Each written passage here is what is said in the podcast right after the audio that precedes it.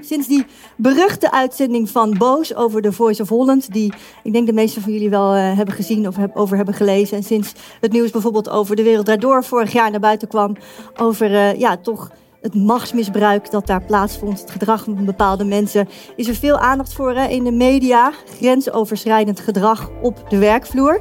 Maar we hebben het vanavond niet alleen, wil ik ook even benadrukken, over dat soort gedrag. Het gaat niet specifiek over machtsmisbruik op de werkvloer. Maar we voeren ook het moeilijke gesprek over seksueel grensoverschrijdend gedrag en seksueel geweld. Wat ja, toch ook vaak achter de voordeur afspeelt. 1 op de 8 mensen in Nederland kreeg vorig jaar te maken met seksueel grensoverschrijdend gedrag. 1 op de 8. Dat is omgerekend 1,8 miljoen mensen. Om even aan te geven hoe, hoe groot het probleem eigenlijk is. Um, uh, nog een ander cijfer. Ik kan er heel veel uit mijn mouw schudden, maar ik doe er nog eentje. Nederland is derde in Europa als het gaat om femicide. Dus excessief geweld, specifiek gericht tegen vrouwen. Um, mijn gast heeft als regeringscommissaris drie jaar de tijd om te proberen een ja, cultuuromslag te bewerkstelligen op het gebied van dat seksueel grensoverschrijdend gedrag en dat geweld. Ik ben razend benieuwd hoe ze dat gaat aanpakken en ik neem aan jullie ook. Geef er een hartelijk applaus. Mariette Hamer.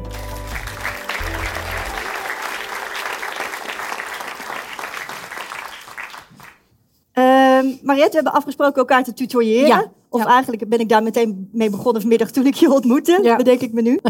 ik wilde beginnen met de stelling. Het is de enige stelling die we vandaag uh, gaan doen hoor. Maar ik was toch wel even benieuwd hoe jullie daarover denken. En dat is de stelling: seksueel grensoverschrijdend gedrag zit verweven in onze cultuur.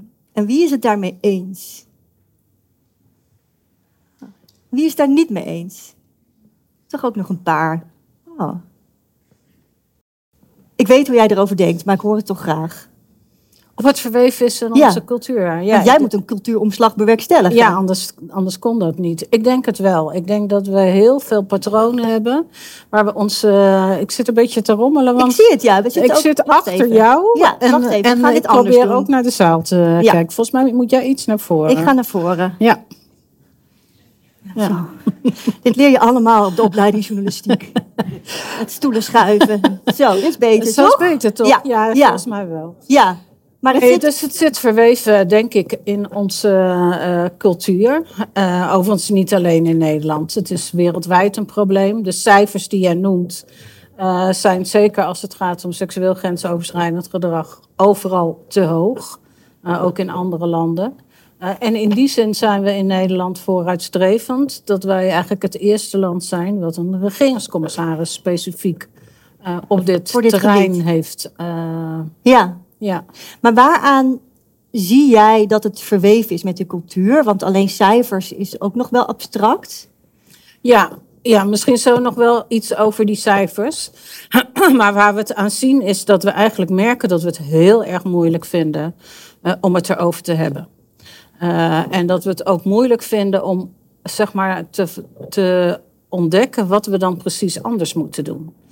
Eh, en er zijn allerlei eh, oorzaken aan te geven, maar genderongelijkheid is er één. Dus Mhm. dus toch een ingebakken verschil over hoe mannen en vrouwen met elkaar omgaan en geleerd hebben ook vaak. Hè. Dat is natuurlijk met een cultuurverandering. Het is niet iets gen- genetisch, maar het is iets wat we al heel erg lang geleerd hebben.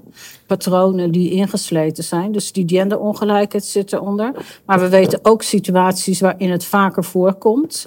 Dat is bijvoorbeeld als de machtsongelijkheid is, eh, als, eh, als de een eh, een onzekere positie heeft, komt het vaker voor.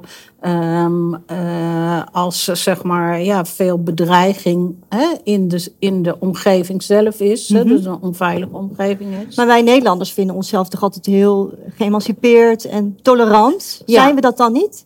Nee, dus we zijn eigenlijk heel dubbel. Want we zijn aan de ene kant, hè, dat heb je gezien met homohuwelijk, et cetera, zijn we geëmancipeerd. Nou, net het feit dat we er dus ook iets aan doen door met een heel nationaal actieplan te komen. Hè, dat is dan weer het vooruitstrevende. Maar in ons gedrag zijn we vaak nog heel traditioneel. Ah, wat dubbel. Ja. Ja. Maar dat, ja. ehm, ehm, ehm, en die cultuuromslag. Ja, dat die nodig is. Dus, dus, dus, dus is, is, is een feit. Want anders zou jij natuurlijk ook niet die, die functie hebben. Ik noemde net, zei net, we komen zo terug op die cijfers. Ik noemde dat, net dat cijfer, die 1,8 miljoen mensen. Dus één op de acht mensen dat inderdaad vorig jaar te maken kreeg.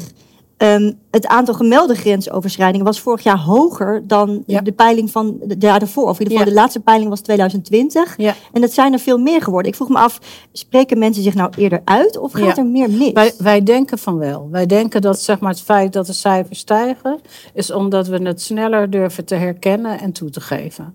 Dus het is lang toch een ja, soort verborgen eh, probleem geweest. Of een probleem waarvan we dachten, nou ja, het hoort er nou eenmaal bij. Hè. Dat hoort bij onze rolverdeling. Eh, Mhm. ik moet het er maar niet over hebben. Ja. Stel je niet zo aan. Eh, dat is heel lang geweest. En je ziet eigenlijk dat, nou ja, naar aanleiding van onder andere The Voice, en, of, de- of eigenlijk boos over The Voice, ehm, en naar aanleiding van allerlei eh, eh, dingen die in de krant verschijnen, mensen zich steeds meer proberen, durven uit te spreken. Ehm, en eh, we beginnen ook beter te begrijpen wat er allemaal voor verschillende vormen zijn. Want wat ik zelf een heel indringend cijfer vind, dat bleek uit die, laatste, dat laatste onderzoek, is dat één op de twee vrouwen en overigens ook één op de vijf mannen aangeeft dat ze in hun leven te maken hebben gehad met fysiek grens, seksueel grensoverschrijdend gedrag. Dus dat is niet die nare opmerking of dat verkeerde complimentje, maar dat is echt dat iemand aan je heeft gezeten. Soms ook aanranding, verkrachting. eh, op een manier die jij niet wil en die je niet gewild hebt. Het cijfer, als je naar jonge vrouwen kijkt, is nog veel hoger. eh, want daar weten we van dat één op de twee jonge vrouwen aangeeft in het laatste jaar van hun leven ermee te maken eh, te hebben gehad. Dat heeft ook veel me- met uitgaansleven te maken. Eh, met de studentenwereld, eh, waarin het gewoon heel veel voorkomt. Ja, nou dat studentenleven, dat duiken we straks ook nog Ja. een klein beetje in. Want Ja. we gaan natuurlijk ook een beetje inzoomen op Groningen. Want dat is ook waarom we hier zitten. We gaan Ja. er ook regionaal eh, naar, naar kijken.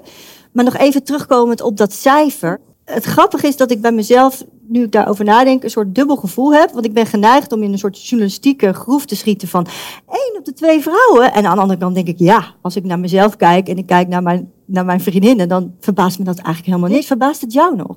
Nee, en eerlijk gezegd, ik krijg eh, het, het, het- dat cijfer verbaasde mij niet. Want het- ik had eerlijk gezegd nog gedacht dat het hoger zou liggen. Hmm. En eh, als ik het vertel in zalen die zeg maar nog iets kleiner zijn dan deze, zal ik maar zeggen. Eh, en, en, je, en je reflecteert er met elkaar op, dan krijg ik vaak dezelfde reactie als wat jij nu net zegt.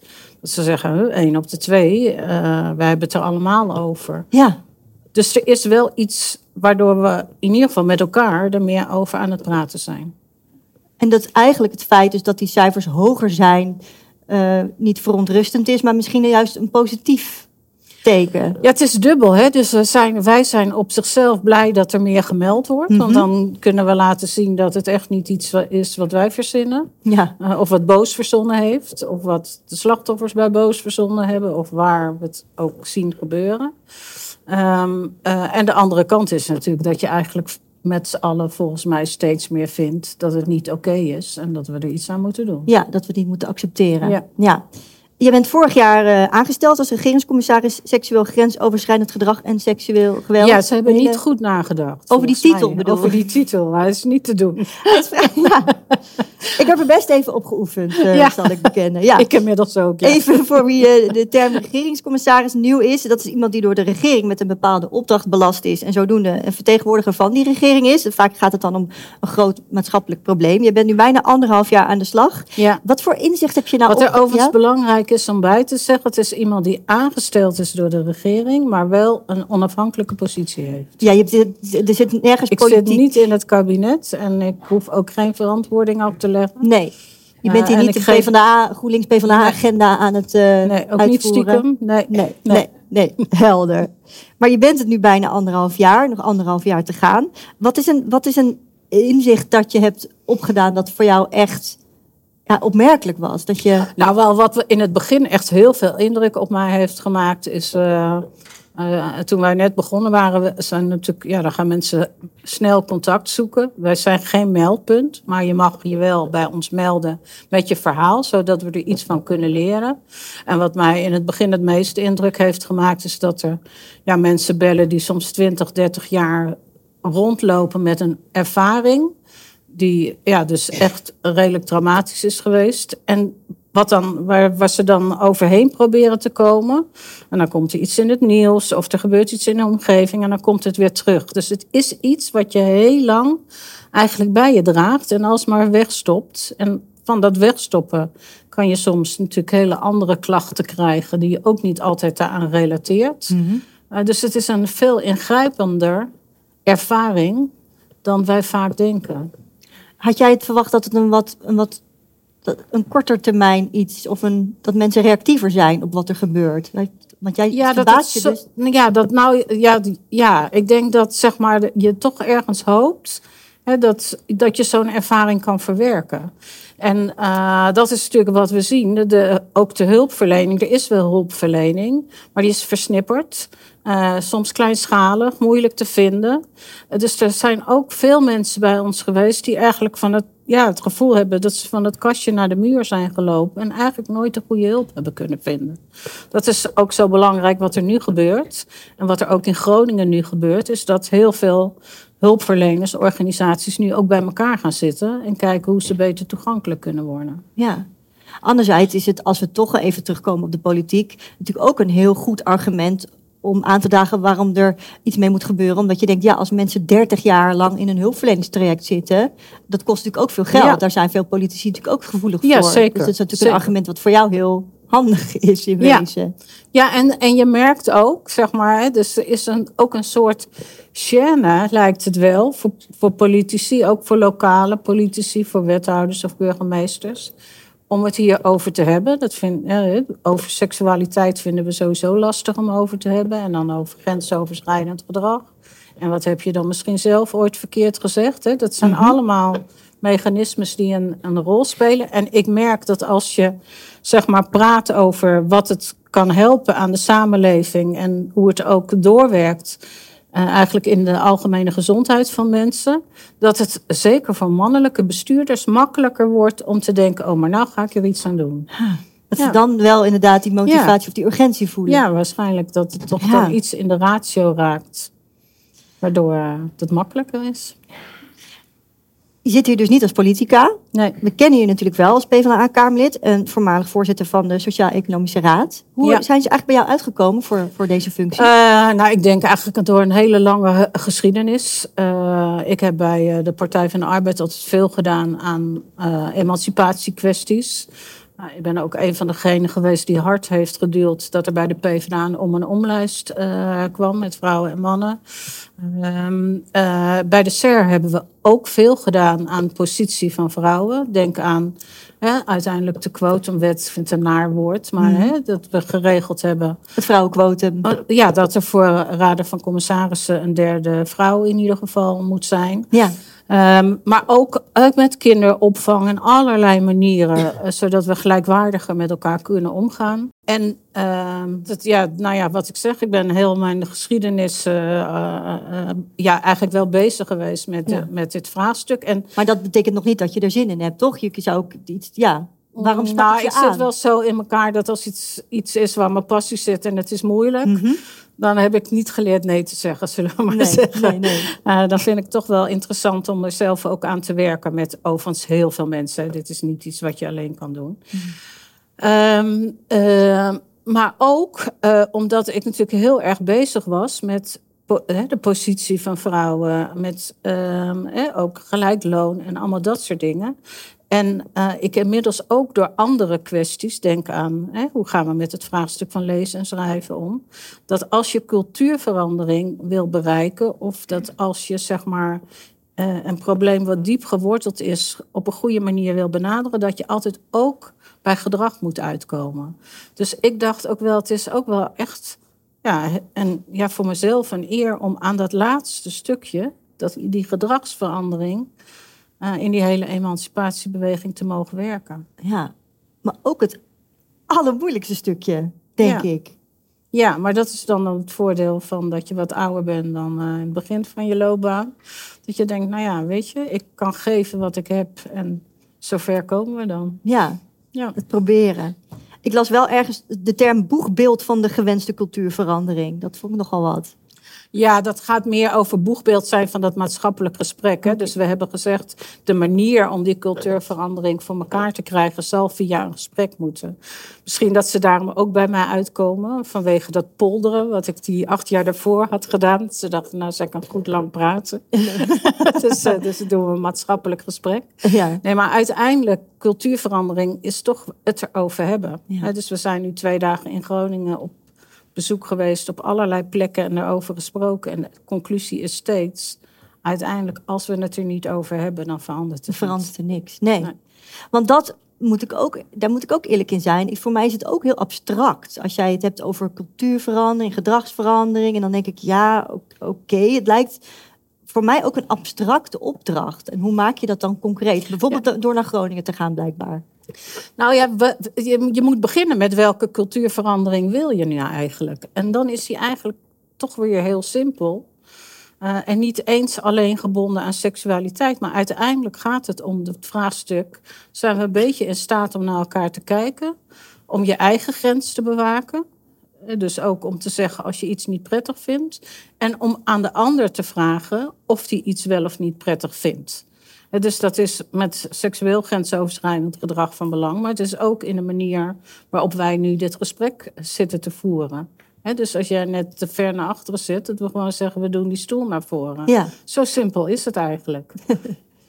en dan Groningen. Uh, je hebt een soort werkbezoek gedaan. Ja.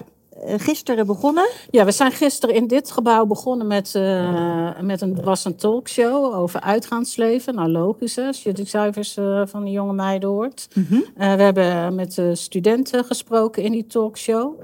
Gisteravond hebben we een, een, ja, een, een diner gehad, maar het was eigenlijk een werkdiner. Want we hebben met allerlei mensen, zowel uit de hulpverlening, de gezondheidszorg, als ervaringsdeskundigen, dus mensen die het zelf hebben meegemaakt, als met bestuurders aan allerlei casussen gewerkt. Van hoe moet je het nou aanpakken en oplossen. Vanochtend zijn we in Old Amt geweest. Uh, daar hebben we een uh, aflevering van mijn podcast opgenomen. We hebben een gesprek gehad gewoon met mensen uit de buurt, een huisarts, een, iemand die het heeft meegemaakt, iemand van maatschappelijk werk. De burgemeester was mijn co-host. En dan hebben we eigenlijk meer gesproken ook over wat gebeurt er nou achter die voordeur. Want dat vinden we het moeilijkste om over te hebben. Mm en juist in toch een relatief kleine gemeenschap, hè, mensen die elkaar goed kennen, is het moeilijk om het daarover te hebben. Dus daar hebben we een heel mooi gesprek over gehad. Uh, ik heb gesproken met mensen uh, die hulp verlenen in uh, Ter Apel. Vanmiddag hebben we met allerlei organisaties gesproken hoe ze beter kunnen samenwerken. En nu zit ik bij jou. En nu zit je hier. ja. Kunnen we er één ding eens uitpikken? Iets wat jou heel erg is bijgebleven, wat indruk maakte? Ja, nou ja, zeg maar, wat natuurlijk altijd het meeste indruk maakt, is de persoonlijke verhalen van mensen. Want je zei casussen besproken, waar moet ik dan aan denken? Ja, nou, er is een, uh, het is een Gronings offensief. Dat is vastgelegd in een heel mooi boek. Dat ligt hier, denk ik, ook wordt geknikt. Het ligt daar. en daar staan een aantal, ja, casus is een moeilijk woord, maar een aantal situaties beschreven op de waarheid gebaseerd van uh, ja, uh, situaties die voorkomen. Bijvoorbeeld een, jonge vrouw die verkracht wordt uh, op een school. En dan vertelt ze dat aan haar lerares. En dan die vertelt dat aan de lerarengroep. En dan wordt er heel lacherig op gereageerd. Van nou, ze zal het wel uitgelokt hebben. Nou ja, en hoe kijken we daar dan naar? Want het is wel iets wat we herkennen vaak, dat er zo op gereageerd wordt. Hoe ga je daar nou mee om? Wat zeg je dan terug? Mhm. Waarom zegt iemand dat? Want het is ook vaak ongemak. Hè? Dan lach je het een beetje weg. Maar zo zijn we daarover in gesprek geweest. Ja, en wat komt, wat, wat wat is dan de vervolgstap? Want erover praten is Ja, vroeg mij overigens wat heeft het meeste indruk gemaakt. Hè? Want uh, er zaten dus ook gisteravond aan tafel en vandaag ook bij mijn podcast. Dus mensen die zelf hebben meegemaakt. En wat eigenlijk vandaag wel, wat ik het wel het meeste binnenkomt. Hè? Waar je dan voelt dat je denkt, oh, hè? nou, het raakt me, ontroert me. Uh, was dat we bij de podcast een iemand hadden die twee keer is uh, verkracht. Maar heel lang heeft geduurd voordat zij daar aangaf van het aller allerbelangrijkste is voor mij geweest dat ik het heb durven zeggen. Eh, en eh, nou, haar moeder was erbij. Uh, en na afloop omarmde die moeder hmm. haar. En dat, ja, dat is dan zo'n ontroerend moment. Wat je voelt door die moeder, misschien nog meer. Dat leed wat er allemaal achter Het verdriet wat er zit. Ja, het verdriet, ja. Ja. ja. En dit was in Oldam, zei je? Ja. Het was in Oostwold? Ja. Uh, is, is, want je zou ook denken, is zo'n aanpak van seksueel grensoverschrijdend gedrag, seksueel geweld, is dat iets wat je regionaal moet benaderen? Of wat je eigenlijk gewoon universeel moet zien en dus ook een landelijke aanpak voor moet hebben? Ja, dat is altijd, daar hadden we smiddags met de hulpverleners ook over. Het is altijd ingewikkeld. Het ja. is... Maar jij bent ook al in Limburg geweest, hè, om dit een beetje een soort gelijk iets te doen. Ja. Wat, wat proefde je anders in, in Oostwold bijvoorbeeld? Was dat, wat, wat nou, leerde je daar? In, in de, uh, nou, toch wel zeg maar die, die beschermde uh, omgeving, zal ik maar zeggen. In zekere zin beschermd, hè, dat denken we dan. Uh, van een kleine gemeenschap waar mensen elkaar kennen, waar eigenlijk gezegd wordt: we zijn hier behoorlijk gelukkig. Mm -hmm. En dan in zo'n situatie is het natuurlijk super lastig om te zeggen dat je eigenlijk helemaal niet zo gelukkig bent. En dat het bij jou achter de voordeur helemaal niet zo fijn is. Uh, of dat het op straat eigenlijk helemaal niet zo fijn is. Of dat je een hele nare ervaring hebt. Dus dat, dat Hè, uh, dat zie ik, maar ik zie ook iets heel positiefs. Hè. Dus wij zijn hiermee begonnen naar aanleiding van de uitzending van Boos. Maar in Groningen is het Gronings offensief ver daarvoor uh, al begonnen. In Limburg uh, zijn ze eigenlijk met hun aanpak. Hè, daar hadden ze wel een aanpak, maar om dat gezamenlijk te gaan doen zoals hier.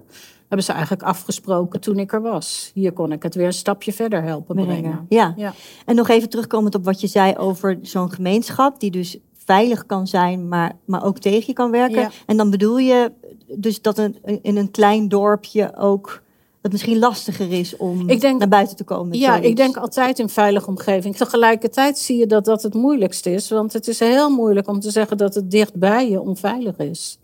En toch weten we uit de cijfers dat de meeste plegers dicht bij je in de buurt zijn. Het zijn mensen die je kent. Maar ja, soms leidinggevende op de werkvloer. Hè. Daar heeft de FNV vrij recent een enquête over gedaan. Of iemand bij je thuis. Of, hè, dus het is natuurlijk makkelijker om boos te zijn om iemand, als je aan het dansen bent, hè, die je overal zit te betasten. Want daar heb je verder niks mee. Dus daar, daar kun je in die zin makkelijker over een klacht over indienen. Terwijl als jij zeg maar ja, een vriendschappelijke relatie en dan gaat iets verder. En dan het moment waarop je met elkaar eigenlijk aftast wat je wil of niet, daar gaat het ontzettend vaak fout. En wat, wat, zie, wat voor verandering zie jij dan nu bij die studentenverenigingen? Nou, dat ze het hierover hebben. Dus ik vond het heel opge- hoopgevend. Dat we hadden op een gegeven moment een gesprek met heel veel uh, jonge bestuurders. Uh, uh, van die studentenvereniging en overigens ook van de Landelijke Studentenvakbond, et cetera. En ik zie hun toch een beetje als de leiders van de toekomst. Hè? Dat weten we vaak als je zoiets doet in je studententijd. Gaat je carrière ook ja, vaak, hè? ga je op de Zuidas ook zo ja, door. Ga je, ga je, en een van die jongens, die zei eigenlijk, zonder dat hij het door had wat hij zei, uh, in midden in een discussie, uh, zei hij van, ja, maar je bent pas een echte vent als je vraagt om consent. En dat zei hij zo vanzelfsprekend, dat ik dacht, ja, daar maken we, hier maken we de omslag. Als we dat gewoon met z'n allen bedenken. En zo kan je natuurlijk ook iets vinden wat vrouwen kunnen zeggen. Hè? Dus het is niet, het is, moet niet de mannen tegenover de vrouwenwedstrijd worden, maar het moet aan twee kanten. Want het is natuurlijk ook, als je niet om consent wordt gevraagd, moet je ook nee kunnen zeggen. Ja. Ook kunnen zeggen, hier is mijn grens, schat. Hier laten we het bij. Ja. Waarom, waarom is dat toch zo moeilijk? Omdat we dat niet geleerd hebben. Denk ik. Ja, is dat dan. Ja, of, ja, is dat dat je iemand niet wilt teleurstellen ook? Ik zit, vraag het wel eens af bij mezelf ook. Dat je denkt, ja, ja, nou, het zijn natuurlijk, zeg maar, je, je weet bij aanranding en verkrachting dat het ook vaak een, hè, een reactie, een fysieke reactie is dat je verstijft als je in gevaar bent. Dus dan, ja, dan, dan, dan kun je niks dan meer. kun je eigenlijk niks meer.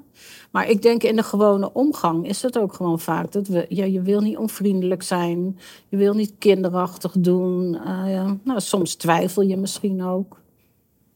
Ja, en dan weet je het niet. En dan denk je, ja, Vooruit dan maar. vooruit dan maar. Ja. Ja. Ja.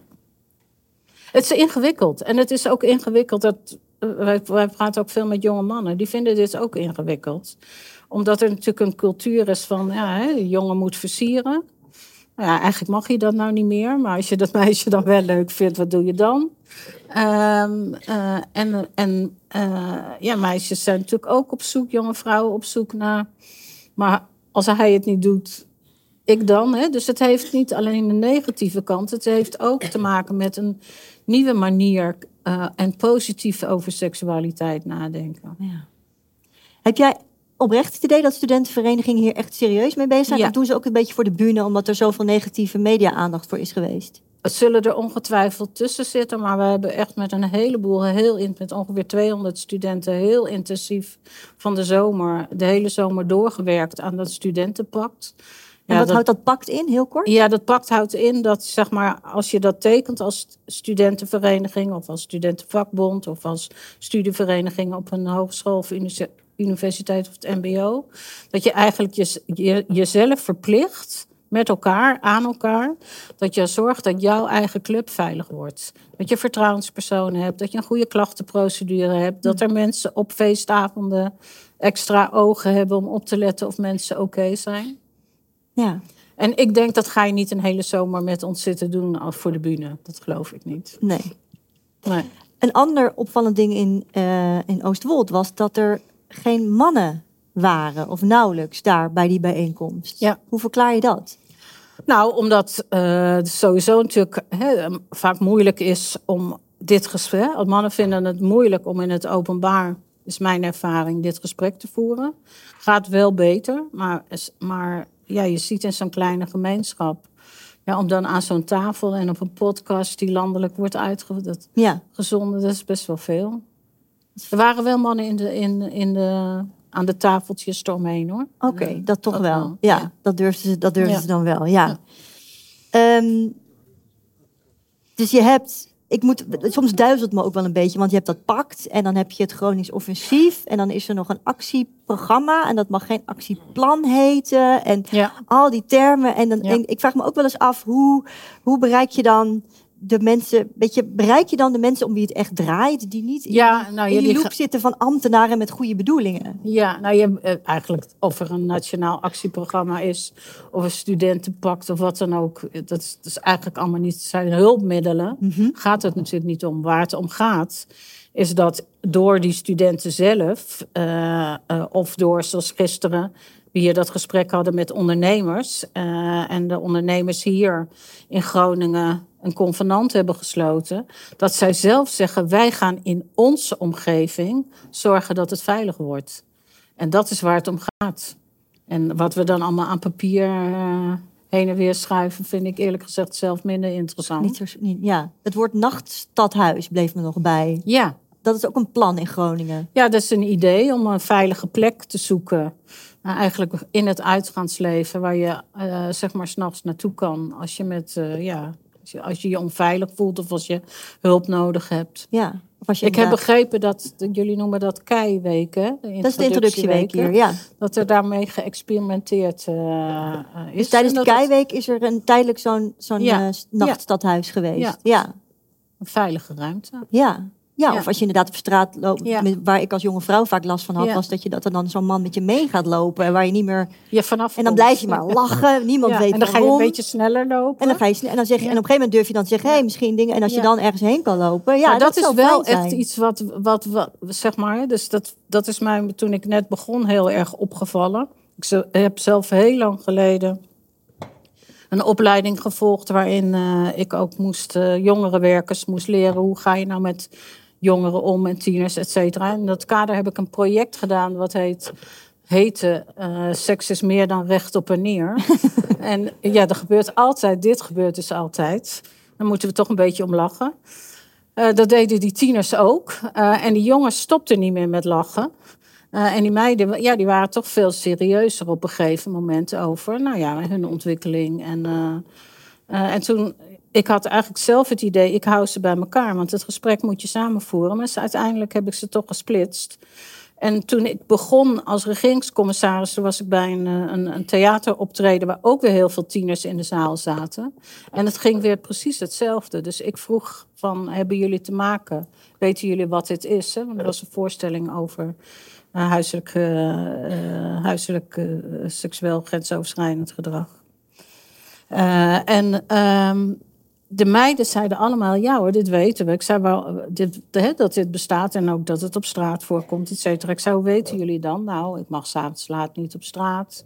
Uh, ik moet op, uh, op, op, boksen. Heel veel meisjes moeten tegenwoordig boksen. Oh. Uh, moeten, moeten weerbaar zijn. ze moeten letten op dat ze zorgen voor voorboedsmiddelen, et cetera. Ja. zijn allemaal opdrachten. Dat een vriendin mee naar huis fietst. Ja. En dat je niet in het donker, niet in dat steegje. Dus meiden krijgen heel veel negatieve signalen mee waarop ze moeten letten. En toen vroeg ik aan de jongens van uh, en jullie. En toen begon het grote gegiebel weer. En dat zou je natuurlijk willen veranderen. Dus ik ben ook veel gaan praten met jongensgroepen, noem ik het maar even, vriendengroepen, jonge jongens. En eigenlijk zeggen ze allemaal, ja, we willen ons eigenlijk helemaal niet zo gedragen. Dat gegiegel of dat stoere gedoe.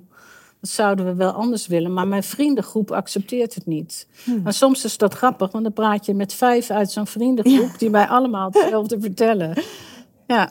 Dus dan, dus zeg ik ze wat is met elkaar erover hebben. De groepsdruk is dan te groot. Ja, heeft ja. natuurlijk veel mee. Daarom denk ik dat het ook een deel een cultuurprobleem is. Ja, ja en sowieso die rol van omstanders is natuurlijk ook heel, belangrijk. Als jij uh, inderdaad, als jij slachtoffer bent en, en, en wat voor reactie je krijgt van de mensen uit jouw directe omgeving. is natuurlijk cruciaal. Ja.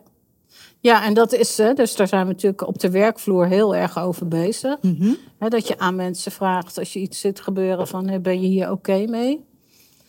Je kunt gewoon vragen of je kunt ook soms aangeven of je er zelf, wat je er zelf van vindt. Ja. Dat heb ik ook wel eens meegemaakt. Zelf ook in een situatie dat iemand de hele tijd flauwe grapjes zat te maken. En ik dacht, nou ja, ik kijk onverstoorbaar door.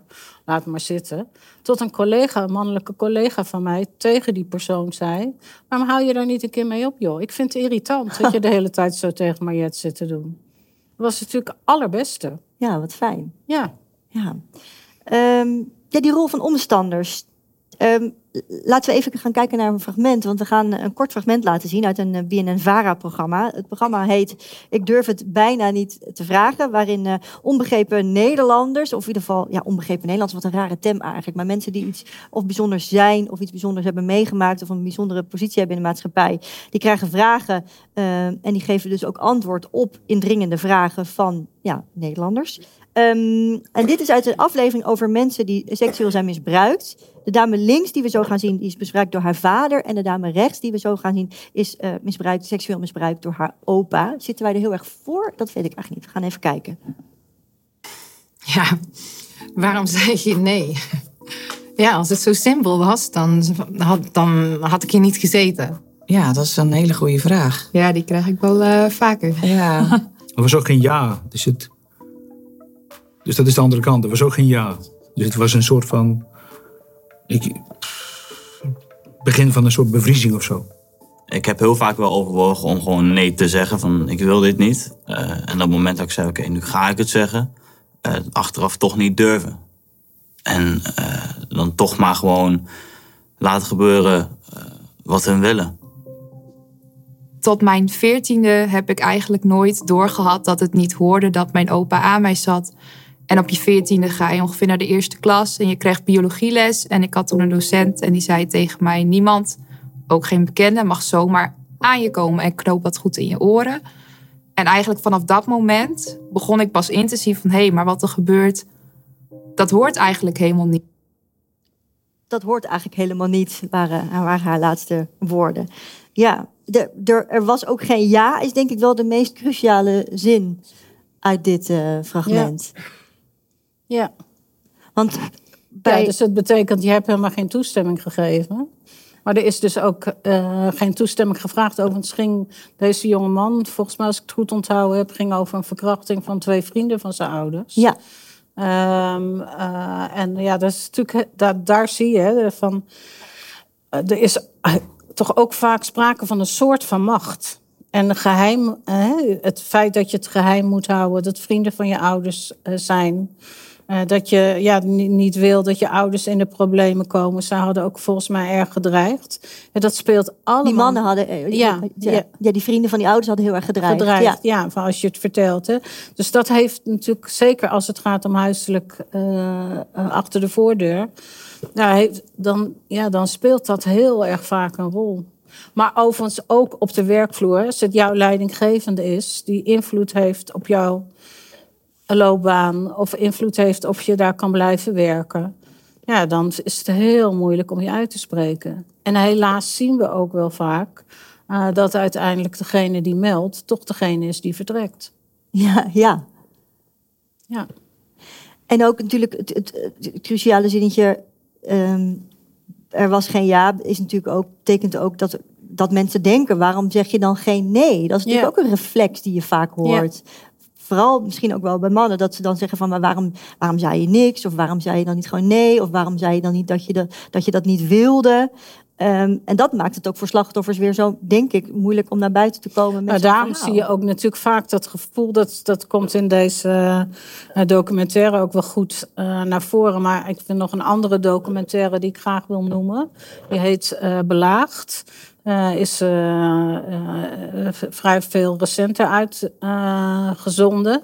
en daar zie je eigenlijk vrouwen in allerlei situaties en van allerlei leeftijden. Dus over, over situaties op straat, over situaties eh, achter de voordeur, eh, over situaties op het werk. En ik vind daar eigenlijk het mooiste voorbeeld van. eh, er zit een jonge vrouw in de trein. Er komt iemand tegenover haar zitten en die begint zich af te trekken. En wat vraagt zij zich af? Waarom zat ik daar? en daar voelt ze zich eigenlijk nog schuldig over. Dat zij er zat, maar ze zat Dat- er al. Ja, of, of, dat, je dan, of dat, ze denkt, dat je denkt, wat heb ik, wat heb ik gedaan om Ja. dit te veroorzaken? Ja, ja. Dat dat de Terwijl- eerste reflex is. Bedoel, er had ook een ander kunnen zitten. Ja. Ja. En hoe kunnen we dan... Nou ja, ik denk dat het ontzettend helpt als we zeg maar al vrij vroeg leren. Dat hoeft niet meteen per se over seksualiteit te gaan. Maar als we veel eerder en jonger leren dat je leert na te denken over hè, wat is mijn, hè, mijn eigen bewegingsruimte. Wat vind ik leuk en niet leuk als ik aan het spelen ben. Hm. En ook hoe let ik erop wat een ander leuk vindt. Dat je dat leert lezen. Of dat je daar dat kan je als natuurlijk kinderen... ook gewoon op de kinderopvang heel rustig, als je met elkaar aan het spelen bent, beetje over hebben met elkaar. Hè? Dus het hoeft niet meteen zo zwaar. Het is eigenlijk jammer, want er is een heel mooi programma waar, waar basisscholen mee bezig zijn, Lentekriebels. Mhm. Wat echt heel veilig en heel mooi is.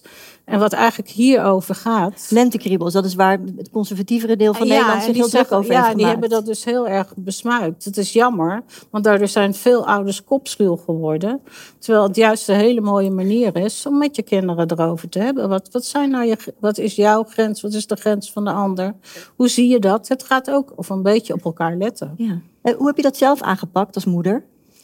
Eh, door wel heel jong eh, met mijn dochter erover te praten. Mijn, mijn dochter is enigst kind, dus dan moet je sowieso al veel praten over, eh, over hoe speel je met anderen. En hoe kom je er nou een beetje achter dat het niet de hele tijd op jouw manier moet gaan. Dus dat, ja, daar Ja. heb ik wel veel met haar over gehad. En ook toen ze ouder was, over veiligheid. Tuurlijk. hoe- En ook over seksualiteit en over. ja. Ja. Ehm, je termijn duurt in totaal drie jaar. Dus wanneer, wanneer ben je tevreden na die drie jaar? Wat is je persoonlijke doel? Ik heb altijd gezegd, eh, kijk, wij, wij kunnen niet in drie jaar tijd dit probleem, wat eigenlijk al zo lang met ons meegaat, eh, opgelost hebben. Dat, dat, dat denk ik niet. Maar ik denk, ik zou heel erg tevreden zijn als we het maatschappelijk gesprek zo hebben weten te verankeren, dat we er niet meer ophouden met erover te praten. En dat kan natuurlijk wel door het onderdeel te maken van het curriculum in het onderwijs. Door ja, met elkaar dit soort gesprekken te voeren. Door allerlei plekken te hebben eh, waar dat gesprek op gang wordt gebracht. De media kunnen daar overigens ook een belangrijke rol in spelen. Hè, dus dat is één kant. Uh, en uh, de andere kant is dat wat we eigenlijk nu aan het doen zijn, we zijn preventie aan het verbeteren. We zijn ook de hulpverlening aan het verbeteren. Er is een nieuwe zedenwet uh, die hopelijk ook meer garanties gaat bieden. Zo zijn we op allerlei mogelijke manieren dat beter aan het verankeren. En dat zouden we een hele slag verder kunnen brengen in in wat we eigenlijk nu ook al aan het doen zijn. En daar helpt dus, dat is waar we het vanmiddag hier over gehad hebben. Dus je kunt dingen landelijk doen, hè, doordat je een grote campagne doet... of dat je met het onderwijs bezig bent over dat onderwijsprogramma.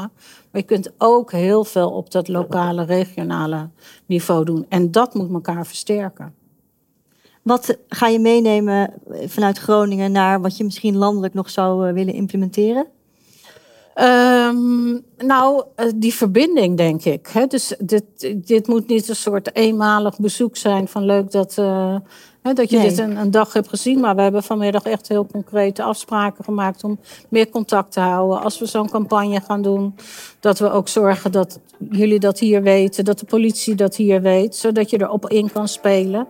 Uh, en ook, uh, er waren ook echt vragen van, door, iedereen zit toch op zijn manier te proberen uit te zoeken hoe kan je dat gesprek nou het beste voeren. Nou, wij hebben al een handreiking gemaakt over hoe je met meldingen om moet gaan, maar je kunt ook, zeg maar, we doen zoveel kennis op ook uit dit soort gesprekken, dus dat brengen we ook samen en dat kunnen we dan weer hierheen brengen, zodat je niet ieder allemaal het eigen wiel zit uit te vinden. Is, is het trouwens, want ik weet niet zo heel veel van regeringscommissaren, is het max drie jaar en moet je dan per se iets anders gaan nee, hoor, dit, dit was eigenlijk bedacht omdat uh, over drie jaar zou dit kabinet stoppen. Ah, vandaar, ja. ja. Dat is even anders gelopen. Ja. Ja, dus het kan best zijn dat je nog wat langer doorgaat. Het zou kunnen. Dus ja. ik neem aan dat ze daar in de formatie uh, over na gaan denken. Aha. nou, dat wordt nog spannend dan. Ja. Dankjewel. Tot zover, Mariette.